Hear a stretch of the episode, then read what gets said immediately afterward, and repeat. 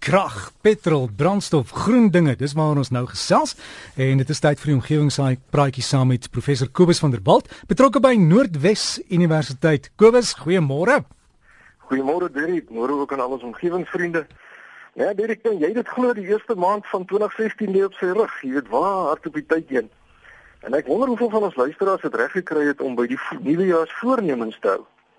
Ek weet ek het dit al klaar nie reg gekry in my geval nie. En dan wonder mense onwillekeurig of die wêreld dit gaan regkry om by die mooi voornemens te hou wat nou gedurende September verlede jaar tydens die Verenigde Nasies se volhoubare ontwikkelingskonferensie die lig gesien het.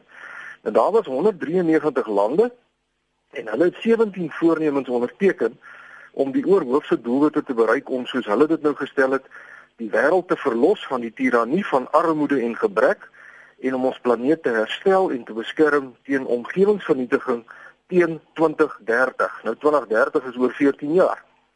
Nou op 1 Januarie verjaar het die 17 doelwitte van krag geword. En mens wonder of die mense om dit nou gaan regkry om hierdie doelwitte te bereik. Kom ons kyk gou na die doelwitte. Uh en omgewingsvriende sal onmiddellik uh, sien dat hierdie nuwe doelwitte, hoewel lofwaardig, toe eintlik niks niets is nie. Nou die eerste doelwit is dat daar geen armoede meer sal wees nie. Tweedens geen hongersnood.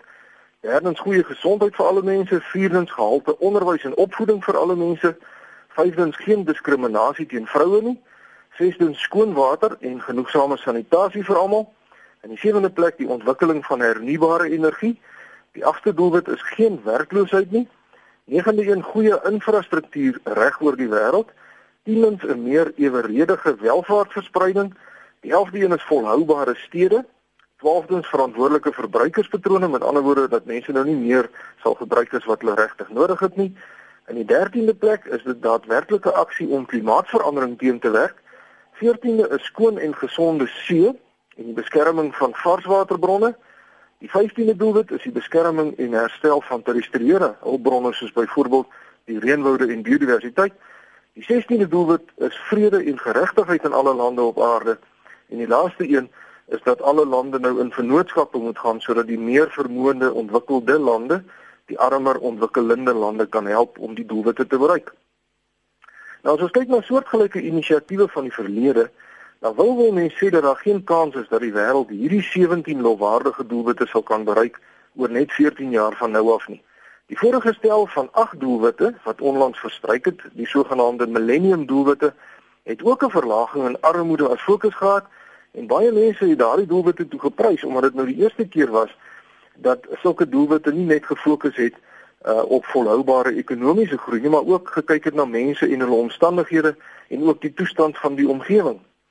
Maar daar was ook kritiek dat die millennium doelwitte moeilik was om te implementeer in armer lande wat nie die hulpbronne het wat die ryker lande tot hulle beskikking het nie. Nou die oorhoofste doel van die 8 millennium doelwitte was juis om alle lande sover te kry om saam te werk. Maar gedurende die voorafgaande 15 jaar was daar verskeie finansiële krisisse in die ryk lande met die gevolg dat hulle nie by hulle voornemens kon hou om armer lande te help nie en daarom het die millennium doelwitte in armer lande bykans totaal misluk. En verder was die millennium doelwitte se oorhoofse doel slegs om armoede te halveer en nie om dit heeltemal uit te roei nie. Wat die gevolg gehad het dat baie lande op kort termyn sosialistiese beginsels gefokus het in 'n poging om die welvaart bloot meer uh, meer eweredig te versprei maar hulle het nagelaat om 'n meer fundamentele struktuurverandering in hulle ekonomieë aan te bring wat tot 'n meer volhoubare sistemiese oplossing vir die probleem van armoede sou gelei het. Nou is die vraag hoe die nuwe doelwitte dan van die millennium doelwitte verskil en of die kans op sukses groter is. Nou daar's heelwat van die stellings wat baie mooi klink sodat alle lande saam sal werk in 'n gees van globale solidariteit gefokus daarop om die armste mense se lot te verlig en dan word daar baie klem geplaas op die akkurate meting van 'n hele klomp veranderlike veranderlike soos byvoorbeeld inkomste groepe, ras, geslag, etnisiteit, migrante status, gestremdheid en ook geografiese posisie.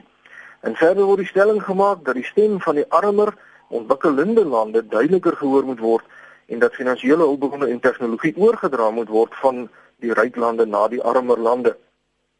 Nou dit alles klink baie mooi op papier, maar ek het 'n groot twyfel in my gemoed of die ryk lande soos Amerika en die lande in Europa met oop hande en positiewe gesindhede gaan aanhou om die derde wêreld in te stop terwyl daar elemente in daardie selfde derde wêreld is wat die ryker lande haat en hulle wil uitwis. En terwyl daar grootskaalse korrupsie oral in die derde wêreld is wat veroorsaak dat weinig van die hulp regtig by die arme mense uitkom. Uh baie ryker lande sit in alle geval tans met uh, die immigrante krisis. En as een van die 17 doelwitte die uitwissing van korrupsie in die uh, dwarsoor die wêreld was, dan sou ek dalk meer hoop gehad het, maar dit is nie. Wat wel goed is van die 17 nuwe doelwitte, is dat daar 'n groter bewustheid is van die interverwantskap van sosio-ekonomiese doelwitte en omgewingsdoelwitte. Met ander woorde, die mense begin besef dat voortdurende ekonomiese groei binne 'n omgewing wat voortdurend agteruit gaan onmoontlik is. En dit is baie goeie nuus vir die omgewing.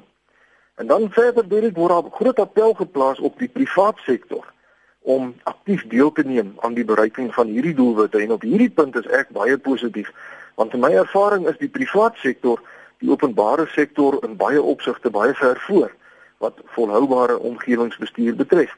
As enige fabriek of myn byvoorbeeld ons riviere in Suid-Afrika so bemors soos wat die munisipale rioolwerke dit op baie plekke doen, sou die groen skerpioene en die blou skerpioene en waterwese en 'n hele klomp drukgroepe lankal op daardie fabriek toegesak het.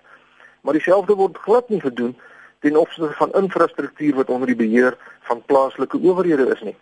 Hulle kom weg in baie gevalle met toestande wat totaal onaanvaarbaar is. So as die private sektor nog meer betrokke kan raak in omgewingsvolhoubaarheid, sal dit net goeie gevolge vir Suid-Afrika hê. Dink byvoorbeeld hoe sal dit wees as riool en watervoorsiening in Suid-Afrika geprivatiseer word? Met ander woorde, alle rioolwerke en watervoorsieningswerke word um, weggevat van plaaslike owerhede af van munisipaliteite af en dit word deur 'n maatskappy bestuur wat die nodige kundigheid en strukture het om dit behoorlik te doen dan sal daar geen sprake wees van die riool gemors wat gereeld by jou party van ons plaaslike owerhede in Suid-Afrika gesien word nie. Trouwens, eh, ek ek het al gewonder of ons nie die beheer van water in Suid-Afrika totaal moet privatiseer nie. Ek weet waterwese het heelwat uh, nuwe denkrigtinge en dis opwindende nuwe denkrigtinge wat my opgewonde maak, maar veral wat die munisipale owerhede betref, dink ek dat hulle tans glad nie daarin slaag om ons beperkte waterbronne volhoubaar te bestuur nie. So direk om af te sluit, die wêreld het 17 nuwe ambisieuse doelwitte gestel en 193 lande het onderneem om hierdie doelwitte oor net 14 jaar te bereik.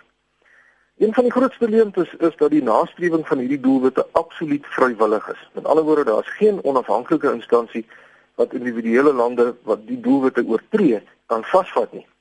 En daarom dink ek dat die wêreld nie by sy mooi nuwejaarsvoornemens sal kan uitkom nie.